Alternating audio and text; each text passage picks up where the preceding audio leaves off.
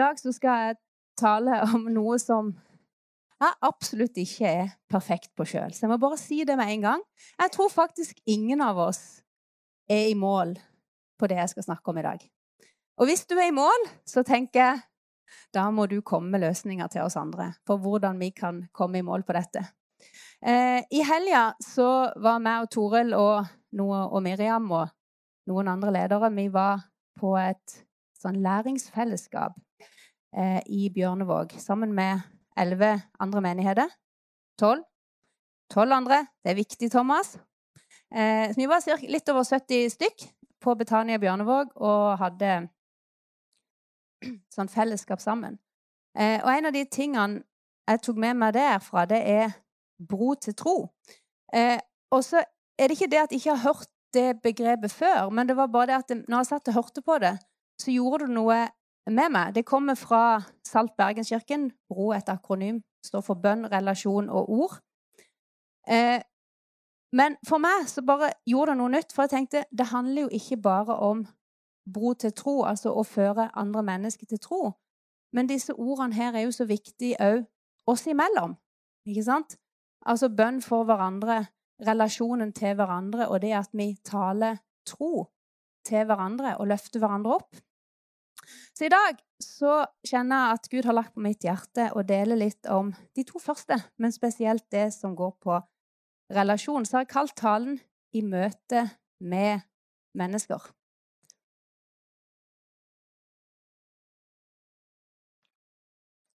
Ja. Bønn for alle mennesker. 1. Timoteus 2,1 så sier Paulus.: Derfor formaner jeg først av alt til at det blir gjort påkallelser, bønner, forbønner og takksigelser for alle mennesker, for konger og alle som har myndighet, så vi kan leve et stille og fredelig liv i all gudsfrykt og ærbødighet. For dette er godt og velbehagelig for Gud, vår frelser, han som vil at alle mennesker skal bli frelst og komme til sannhetserkjennelse. Forma Paulus formaner oss til å be for alle mennesker. Det gjelder jo oss som tror, og det gjelder jo òg de som ikke tror. Og så kan vi liksom Ja, men vi ber jo for mennesket. Ja, det gjør vi. Og vi ber kanskje for myndighetene òg. Men det å nevne mennesket med navn For Gud ser hver enkelt. Han kjenner dem. Han vet hvor mange hårstrå hver enkelt har på hodet. Han vet hvordan han skapte dem. Han kjenner dem ut og inn. Og han elsker de menneskene høyere enn det vi kanskje noen gang kommer til å forstå. Kanskje når vi kommer til himmelen. Og noen ganger er det sånn at Gud legger mennesker ned på våre hjerter, som vi skal be for. Og så tenker jeg det er så viktig da at vi gjør det. Fordi at eh, Jeg har lest historie opp igjennom, og den historien som gjorde mest inntrykk på meg, var en som Rachel Hickson fortalte. Hvor hun bare hadde våkna i natt og bare fått et navn. Hun hadde begynt å be. Og så var det noen av vennene hos sine som nesten kom i en dødsulykke i trafikken. Og så ba hun akkurat når det skjedde. Så tenker jeg Gud er mektig til å gjøre sånne ting. Han er mektig til å reise oss opp fra senga og bare si 'be'. Og så er det det å lytte til den stemmen. Men så tenker jeg noen ganger kanskje vi trenger å ha noen navn som vi ber fast for. Kanskje det er noen som Gud har lagt på ditt hjerte. Kanskje noen i menigheten, eller kanskje en nabo. Men at vi ber for noen som, av de vi har rundt oss, som tror, men også for noen som ikke tror. For at vi kan med våre bønner hjelpe de et skritt videre mot det å ta imot Jesus. Og når vi ber for hverandre, så kan vi bære hverandre i bønn i situasjoner som ellers er for overveldende. Og så plutselig så har du fått et navn, og så viser det seg det at den bønnen, det var det som bar det igjennom. Så jeg vil oppmuntre deg når jeg prater nå. Hvis, Gud minner deg på noen navn, så skriv det ned. Du skal til og med få lov å bruke mobilen til å skrive det ned på. Og så For Gud virker igjennom dine bønner. Da står det i Efeserne 6,18 Hoppet forbi den, ja. Jeg må trykke sjøl. Det er ikke så lett å gjøre to ting samtidig. Og be hver tid og stund med all bønn og påkallelse i ånden. Slik skal dere være våkne med all utholdenhet og påkallelse for alle de hellige. Og I Jakob 5,16 så står det at ett rettferdig menneskets bønn har stor kraft. Du er rettferdig. Du er gjort rettferdig av Jesu døde oppstandelse, så din bønn har stor kraft. Det er ikke bare noe som blir sagt til Jakob, men din bønn har stor kraft, for du er ett rettferdig menneske. Og ett rettferdig menneskes bønn har stor kraft. Jesus ba. Da står det i eh, evangelien at han gjorde ikke noe uten at han hadde fått det fra sin far. Han gikk av sted på fjellet, og han ba. Selvfølgelig trenger vi å be og lytte til hva Gud sier til oss, for å vite hvor vi skal, hvor vi skal gå. Jesus sa, 'Dersom du ber, så skal du få.' 'Dersom du leter, så skal du finne', og 'dersom du banker på, så skal det bli åpna opp for deg'. Men tenk det, det privilegiet vi har, at vi kan løfte mennesker opp i de situasjonene de står i. Og så er det kanskje ikke alltid at resultatene blir sånn som vi hadde tenkt. Det er ikke kanskje alltid at vi ser at de fjellene vi så gjerne skulle ønske flytta seg, flytta seg der og da. Men sannheten om at Gud flytter fjell, er allikevel der. Den står fast. Men så kan vi få lov å være med og løfte opp mennesket i bønn, for da skjer miraklet gjennom at vi ber. Og så er Gud mektig til å gjøre langt mer enn det vi ber om, og forstår etter den kraft som virker i oss. Og hvilken kraft er det? Jo, det er oppstandelseskraften som virker i oss. Det er Guds kraft som virker i oss. Og vi kan få lov til å stole på at hans løfte står fast òg når vi ber for andre mennesker.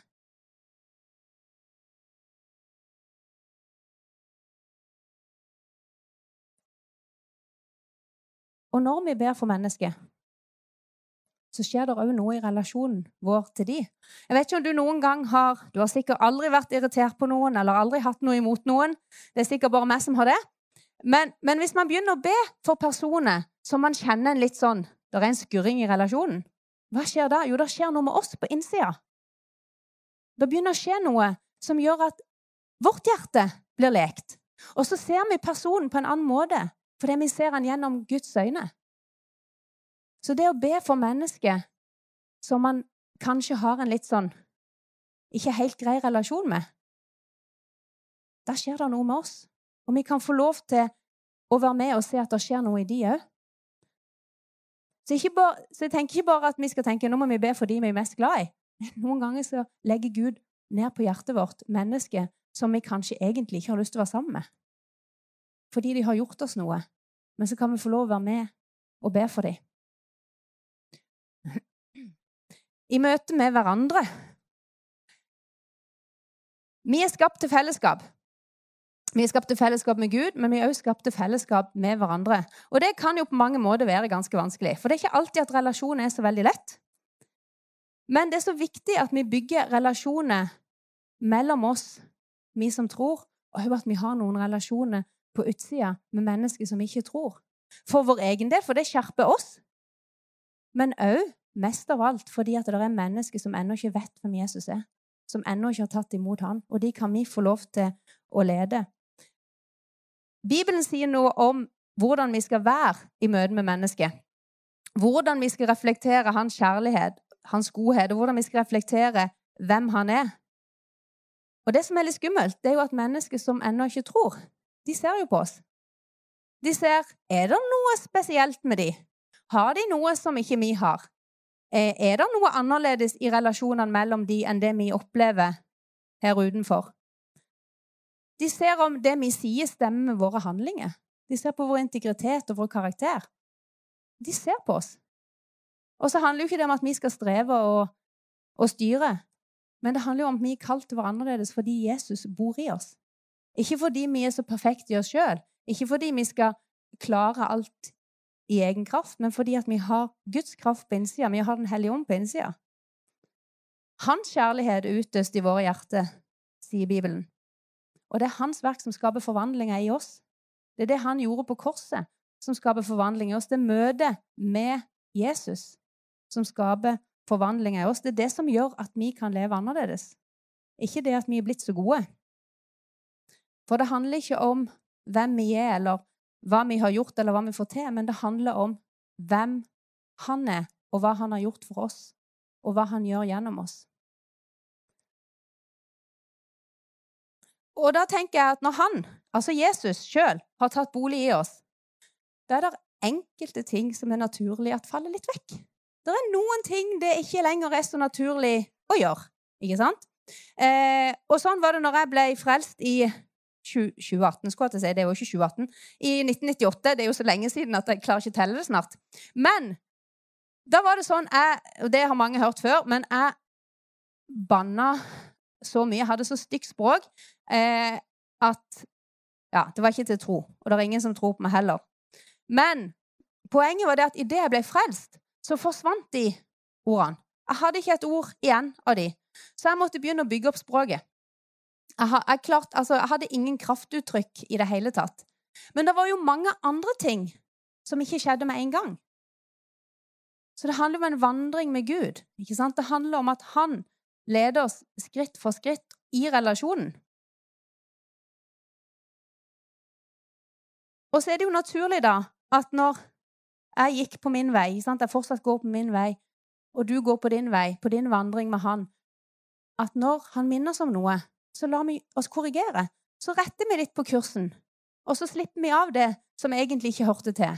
Og så er det ikke alltid lett, for det er ikke det jeg sier, men det handler om at vi kan få lov å ta valg om å ta et skritt enda nærmere. At vi kan få lov til å bli enda litt mer forvandla på innsida fordi vi tar et valg om å gi han rett. For det er han som lever i oss, og vi kan få lov å reflektere hans kjærlighet, hans godhet, hans fred.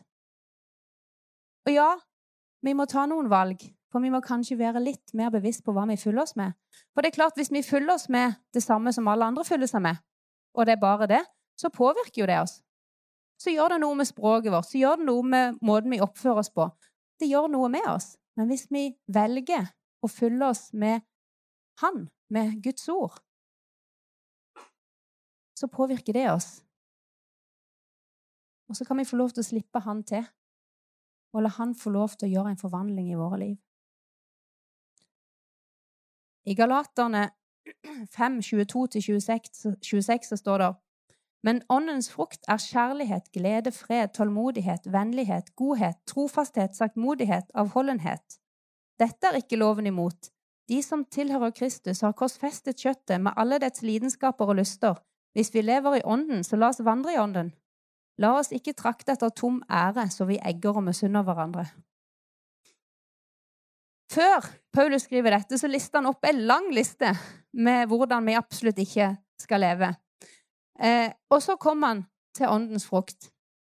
Og så er det jo sånn at hvis du har et epletre i hagen, eller et pæretre eller et plommetre, eller hva det måtte være, så er det jo ikke sånn at dette treet står og rister for å produsere frukt. Ikke sant? Ikke sant? De strever. Det skjer fordi det treet er planta i god jord.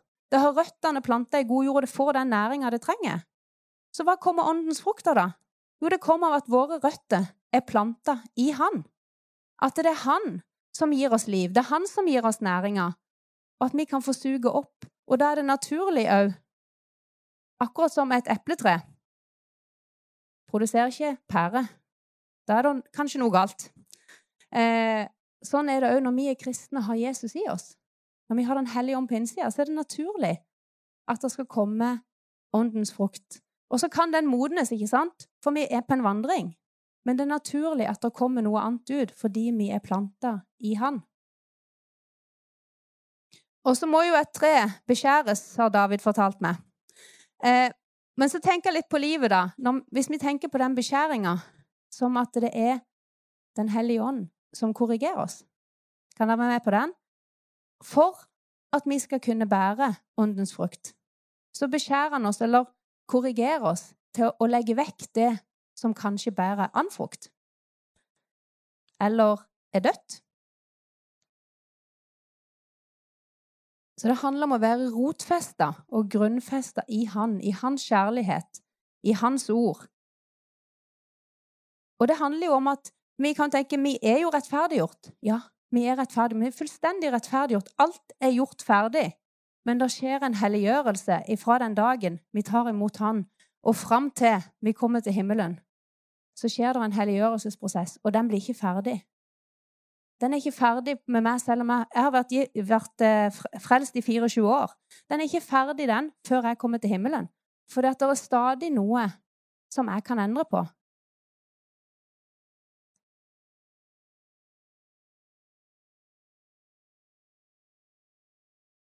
Og jeg tror at når vi tar til oss han, hans ord, når vi er i hans nerve, sånn som vi står i lovsangen Når vi fyller oss med han, så skjer det en forvandling på innsida, naturlig.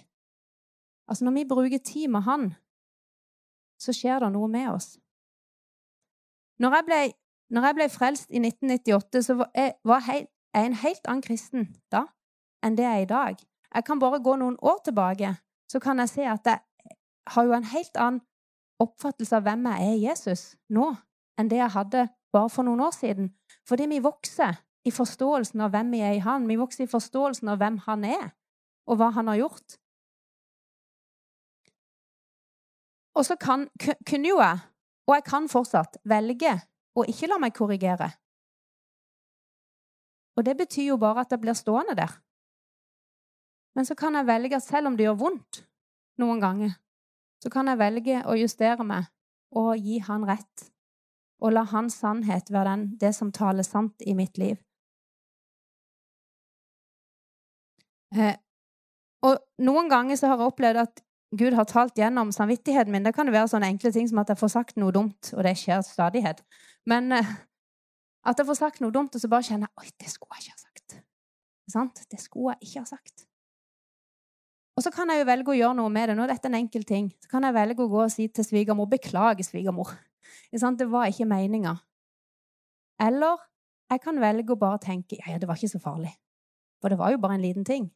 Men det handler litt om at vi, når vi lar oss korrigere av den lille, stille stemmen i våre hjerter, så blir vi enda mer lydhøre òg for den stemmen.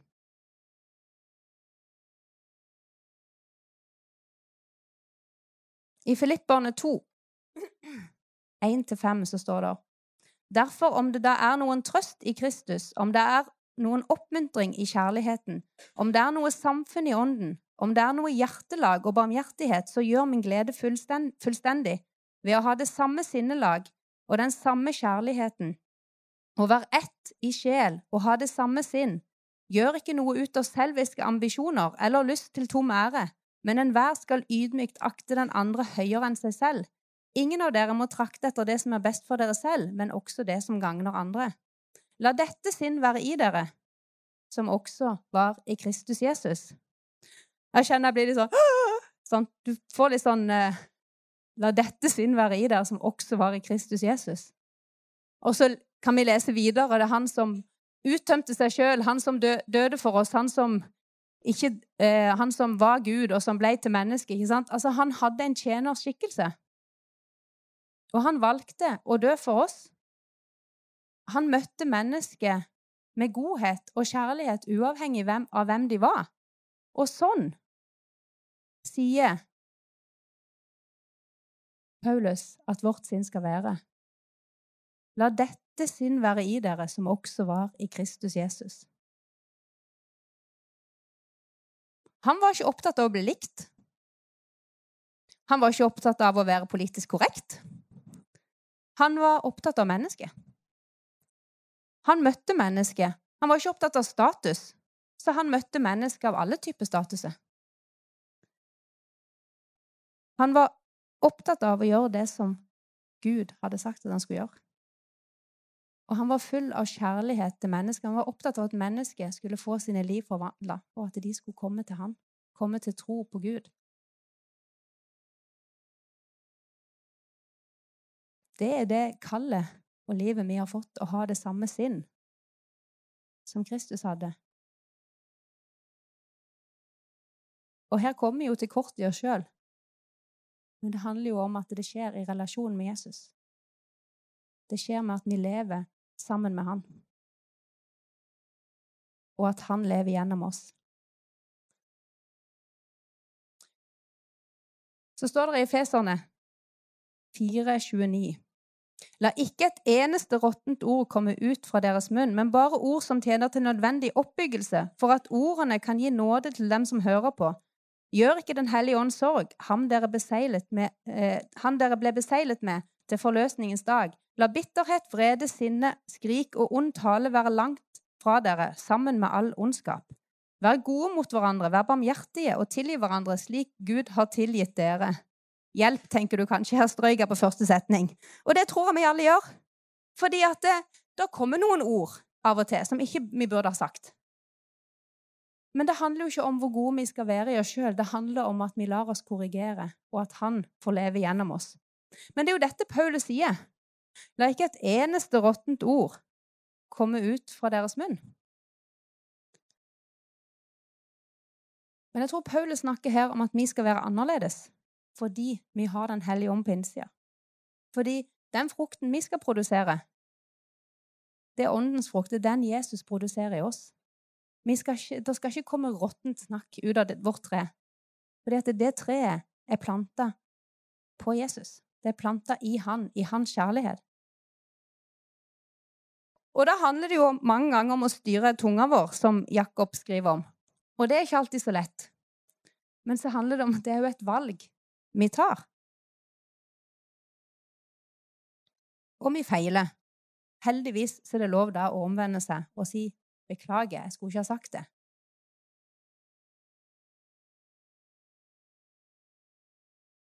Men jeg tror jo at mye av dette handler om hva vi følger oss med. At vi blir påvirka av det vi følger oss med, og at det er det som kommer, over, nei, kommer ut. For det hjertet er fullt av, det sant? Eh, bevar, fram, Framfor alt du bevarer, bevarer hjertet, for livet går ut fra det. ikke sant? Altså, Hva fyller vi våre hjerter med? Hva fyller vi våre tanker med og vårt hode med?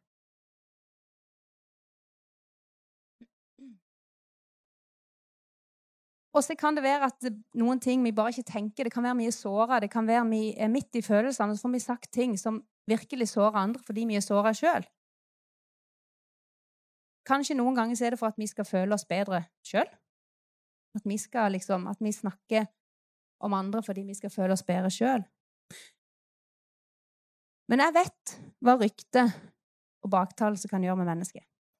Eh, både fordi at jeg har opplevd det sjøl så mange ganger, men òg fordi at jeg har snakka med mennesker som har blitt fullstendig ødelagt av at noen har spredd rykter om dem eller baktalt dem. Så ødelagt at de ikke tør å gå ut. Så ødelagt at de ikke klarer å se mennesker i øynene fordi at de tenker at alle har en negativ intensjon. De tenker at de er ikke gode nok, de er ikke verdt noen ting. Fordi at det, uansett hvor de går, så er det noen som vet noe om dem, som kanskje kan være delvis sant, men som ikke er hele sannheten. Eh, Sjøl så har jeg stått flere ganger, både i min ungdom og når jeg var litt eldre, hvor det ble fortalt ting som gjorde så vondt. Jeg hadde ikke kjangs til å forsvare meg. Fordi at alle visste jo noe som jeg egentlig aldri hadde gjort. Og så står du der og tenker du, men hvordan skal jeg komme ut av dette her? Så lurer du på hvor kom det ifra? For det aner du jo ikke. Det begynte jo kanskje Kanskje det begynte i Kristiansand og endte opp i Oslo, liksom. Altså, Poenget er at det sprer seg så fort. Så derfor så skal vi være så forsiktige med hva vi sier om andre mennesker. Og dette sier jo ikke jeg for på en måte å tenke ja, men nå fordømmer jeg det. det. Altså, dette må jeg passe meg for. For det er så fort gjort. Jeg tror vi alle må passe oss, fordi det er så fort gjort. Og så sitter der en såra person igjen, 20 30 år, som, som ikke Som sitter fast. Det er litt alvorlig. Men det gjør ingenting. Men hvorfor, snak, altså hvorfor gjør vi det? Vi må tenke For vi må jo innrømme at kanskje vi har gjort det noen ganger.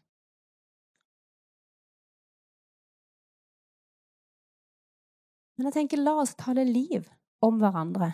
La oss på en måte sette lommelykta på oss og finne det positive. Hvis man først skal snakke om noen andre, så finn fram det positive. Hva er det positive? Og hva er det som skjer med oss sjøl hvis vi lar bitterhet og vrede og sinne vokse i oss? Vi føler oss jo ikke så gode på innsida da heller. Sant? Altså, vi, Det skjer noe med vår innside òg. Så når Paulus sier dette, så er det jo ikke bare noe han slenger ut. Det er jo fordi at han vet effekten og hvor skadelig det er for oss å gjøre akkurat disse tingene. Men så er det lett å si, da, tenker du kanskje. For det, man kan jo bli bitter, og man kan bli sint, og kan, selvfølgelig kan man det. Men det handler om hva man gjør med det. For man kan bli såra, og så sitter man igjen med en bitterhet, et sinne, som ikke man vet hvor man skal gjøre av. Men det kan vi gå med til Jesus. Og noen ganger så trenger man noen å prate med òg, for å få det ut og for å få jobba seg gjennom det. For, den, for det gjør ikke noe godt for noen, og i hvert fall ikke for deg som sitter med det. For det er vanskelig hvis man har opplevd ting. Det er vanskelig å da snu og på en måte skifte fokus vekk ifra det som er vanskelig. Men Paulus sier da, vær gode mot hverandre, vær barmhjertige mot hverandre og tilgi hverandre slik Jesus har tilgitt dere. Men skal man tilgi noen som har gjort noe galt mot oss med vilje? Det er det Bibelen sier. Men så kan det være vanskelig, og noen ganger er det så forferdelige ting at det er ikke sånn at det skjer i et håndknips. Noen ganger er det en prosess. Det kan være en lang prosess før man kommer der. Men det handler om at man gjør ikke det alene man gjør det sammen med Jesus. Og kanskje det er noen andre som går sammen med deg. Fordi at det handler om å sette seg sjøl fri. For tilgivelse, det at jeg tilgir noen som har gjort noe vondt mot meg, betyr ikke at jeg sier 'det var helt greit, det du gjorde'. Det er jo ikke det det betyr. Det betyr bare at du blir ferdig med det. For det som er blitt gjort, er fortsatt akkurat like galt. Eh, for de som kjenner min historie, så vet de at jeg har opplevd ganske mange ting i min barndom og min ungdom. Og noen av de tingene er det noen som tenker hvordan har du klart å tilgi det? Jeg har fått det spørsmålet noen ganger. Så jeg nei, det tok litt tid. Men sammen med Jesus så var jeg i stand til å bare legge det vekk. Så, og det betyr jo ikke at de tingene som ble gjort, er noe mindre galt. Altså, Noen av de tingene burde folk vært i fengsel for. Men poenget mitt er at det, det skader ikke meg lenger. For jeg har lagt det vekk. Ikke alene, men sammen med Jesus. Og det kan være små ting, og det kan være store ting. Og de små tingene er jo kanskje lettest å tilgi og ta et valg på. Men vi setter oss sjøl fri.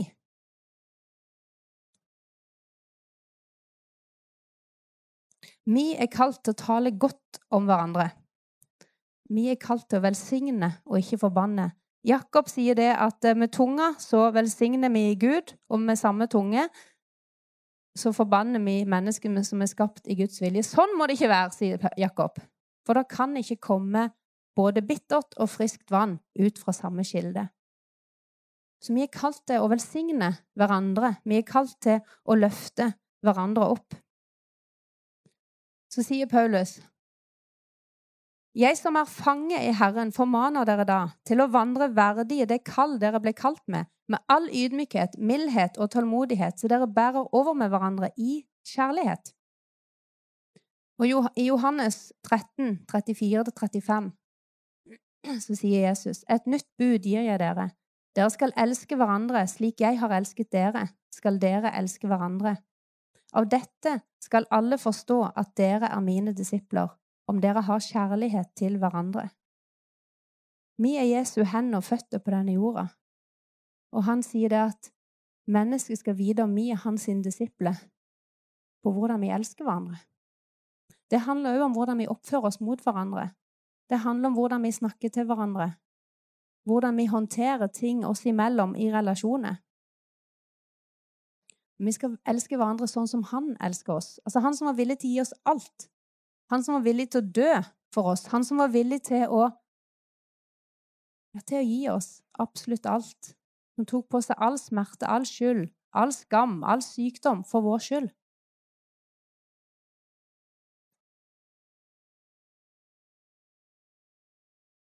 De menneskene som ikke tror Det er jo ikke bare vi som på en måte skal merke den kjærligheten, men mennesker som ikke tror, skal se den kjærligheten imellom oss. Det står i Filipperne 4-5 La deres vennlige sinnelag bli kjent blant alle mennesker. Herren er nær. Altså at vårt vennlige sinnelag, sånn som vi er mot hverandre, sånn som vi er mot andre mennesker, skal bli kjent blant, andre, blant alle mennesker. Det handler om at det skal gå rykte det om hvor gode vi er mot hverandre, hvor vennlige vi er mot hverandre, hvor høyt vi elsker hverandre, hvor overbærende, hvor rause, hvor gode vi er mot hverandre. Og det begynner jo med at de ser på oss.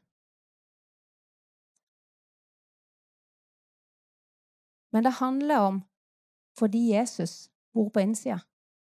Det handler ikke om hva vi skal få til i oss sjøl, men det handler om at han bor på innsida, at vi kan få lov å gå på en vandring sammen med han.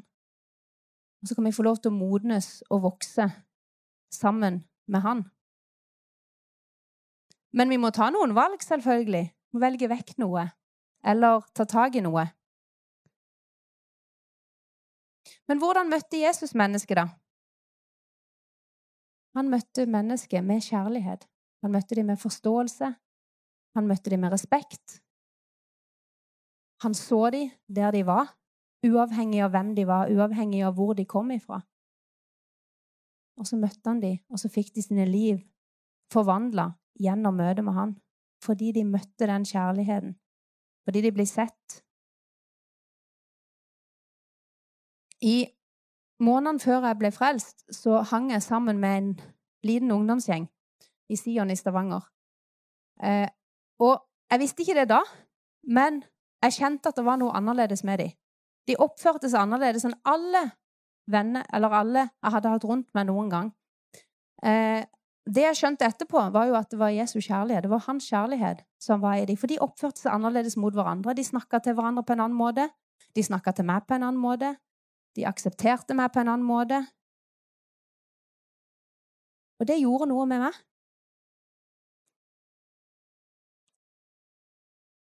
Og vi kan få lov til å møte mennesker med Jesu kjærlighet på innsida.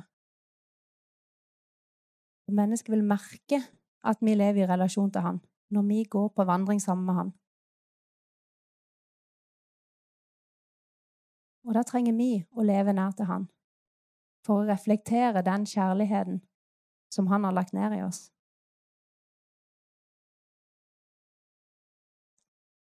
Så må vi tørre å dele med hverandre og med de utenfor hva han gjør i livet vårt.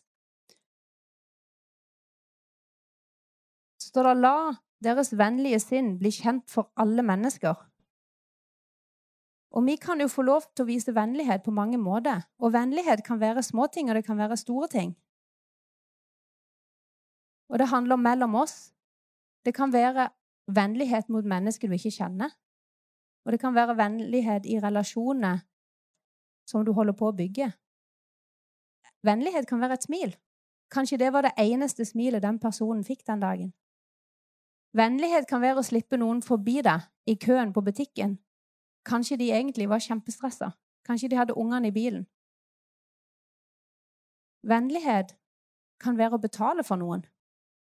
Vennlighet kan være å sende noen en SMS med en oppmuntring. Vennlighet kan være å bare si hei. Så kan det òg være store ting. Men vennlighet, det er noe som mennesker legger merke til. Og så vet vi ikke hvilke resultater den vennligheten fører til. Det er ikke sikkert du får tilbakemelding om at den, butikk, den personen på butikken som du smilte til Ikke sikkert du får tilbakemelding om at det smilet redda dagen. Det er ikke sikkert du får tilbakemelding om at den du betalte for, egentlig ikke hadde penger til mat den dagen. For det, vi, vi vet ikke resultatene av de gode handlingene vi gjør, med mindre noen selvfølgelig forteller det. Men denne vennligheten, vårt vennlige sinn, skal bli kjent blant alle mennesker. Og du har noe unikt å gi. Fordi Gud har skapt deg unikt. Du har noe annet å gi enn den som sitter ved siden av deg, fordi vi er skapt forskjellig. Du møter mennesker som møter, menneske, som møter Jesus gjennom deg, Fordi de trenger akkurat det. Så når Jesus sender mennesker på din vei, så kan det være at vi kan stoppe opp og i hvert fall smile. Så det er en vennlig handling. Og kanskje Gud gir deg noen ord om hva du skal si eller gjøre. Hvis ikke det hadde vært for denne ungdomsgjengen i Sion Stavanger som slapp inn ei jente som absolutt ikke fulgte de sin standard på noen som helst måte, verken i klesstil eller i språk eller i oppførsel eller noen ting Hvis ikke det hadde vært for de sin vennlighet og kjærlighet på tross av min uvennlighet og dårlig oppførsel Hvis ikke det hadde vært for denne gjengen som var tålmodig med meg selv i min selvopptatthet Hvis ikke det hadde vært for denne gjengen som bare viste meg kjærlighet når jeg egentlig fortjente det minst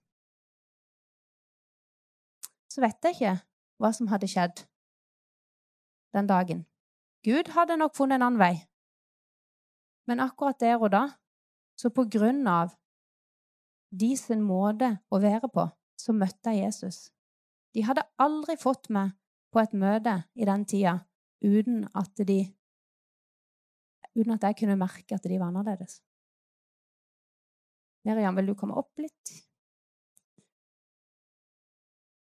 ble det en litt alvorlig tale. Det var egentlig ikke meninga. Men, men, det står jo her at, det, at, dette skal vi ha langt borte fra oss. Så tror jeg det er viktig at vi snakker om det. Og så tror jeg det er viktig at vi òg snakker om den sida med at vi trenger å gjøre, ta oppgjør med de tingene som vi kanskje gjør eller sier. Og kanskje det er viktig å snakke om at det faktisk er noen som sitter igjen såra etterpå, og som kanskje strever med å ta tak i ting fordi at det er vondt. Og så kan vi få lov til å stå sammen gå til Jesus med det. Og kanskje du sitter her så kjenner du at det var noe som traff deg. Du kan få lov å komme fram, så kan vi være med og be for det. Kanskje du satt der som kjenner at det er noe jeg må ta tak i nå. Det er noen jeg må be om unnskyldning. Det er noe jeg må ordne opp i. Så jeg oppmuntre deg til å gjøre det. Kanskje du trenger å slippe, no, slippe, noe bitterhet. Bare kjenne at, det, at Gud tar tak i det. Jeg vet ikke hva det er som rører seg i ditt liv. Men Gud vet, og du vet.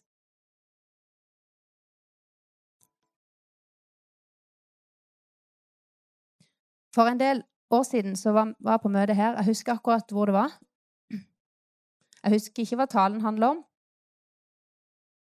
Eh, men jeg husker at der etter hvert, altså helt i ettermøtet, kom en person bort til meg og så sa du, jeg må bare be om tilgivelse for det jeg gjorde da og da. Og det var ganske mange år siden. Men så kjente jeg på den takknemligheten over at det hadde allerede kunnet legge vekk.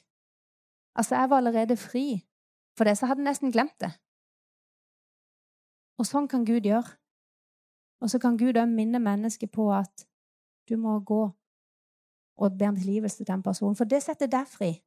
Hvis vi står i noe som vi har gjort som ikke er greit, så setter det oss fri når vi ordner opp i det.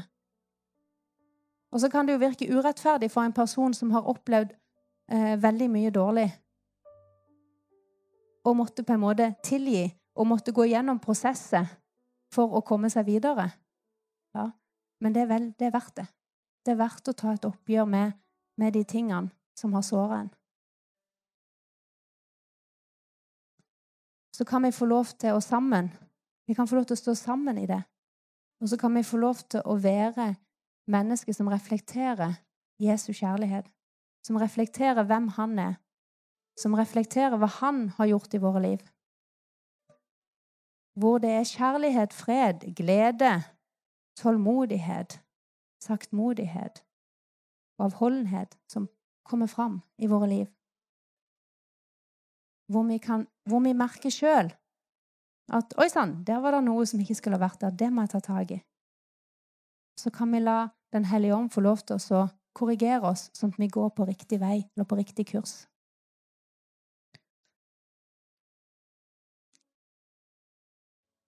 Men hvis du er her som trenger at noen ber for deg, eller kanskje du Kanskje du vil vente til slutt. Det er helt greit, det òg. Men hvis du ønsker å bli bedt for her, så kan du komme fram.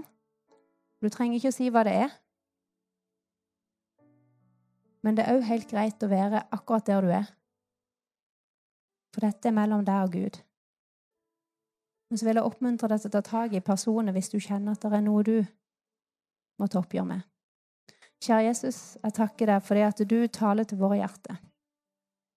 Takk for at vi kan få lov til å stole på deg. Takk for at vi kan få lov til å kjenne at du korrigerer oss. Og du korrigerer oss ikke med, med harde ord, eller med, men du korrigerer oss med en stille stemme, Herre. Du leder oss med din kjærlighet, Jesus. Vi ber Herre om at du taler til oss nå, Herre. Takk for du rører ved våre hjerter, Jesus. Takk for du kaller oss dypere, Herre. Dypere inn til deg, Herre. Takk for du forvandler våre hjerter, Herre. Rører med våre hjerter. Takk for vi kan få lov å være på en vandring hvor vi blir mer og mer lik deg, Jesus.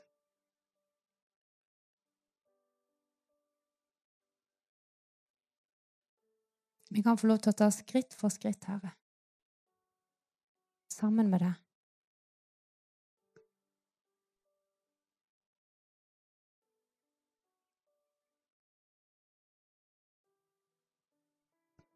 Takk for ditt nærvær, Herre.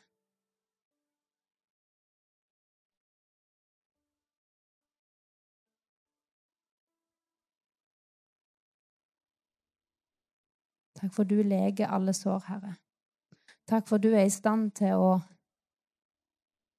lege alle sår, uavhengig av hvor store de er, Herre. Takk for du er mektig til å gjøre mirakler i våre liv, Herre.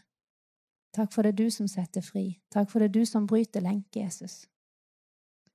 Takk for du bryter tankemønstre. Takk for du bryter de lenkene som holder oss fast, Herre. Takk for vi kan få lov til å bli fri i deg, Jesus.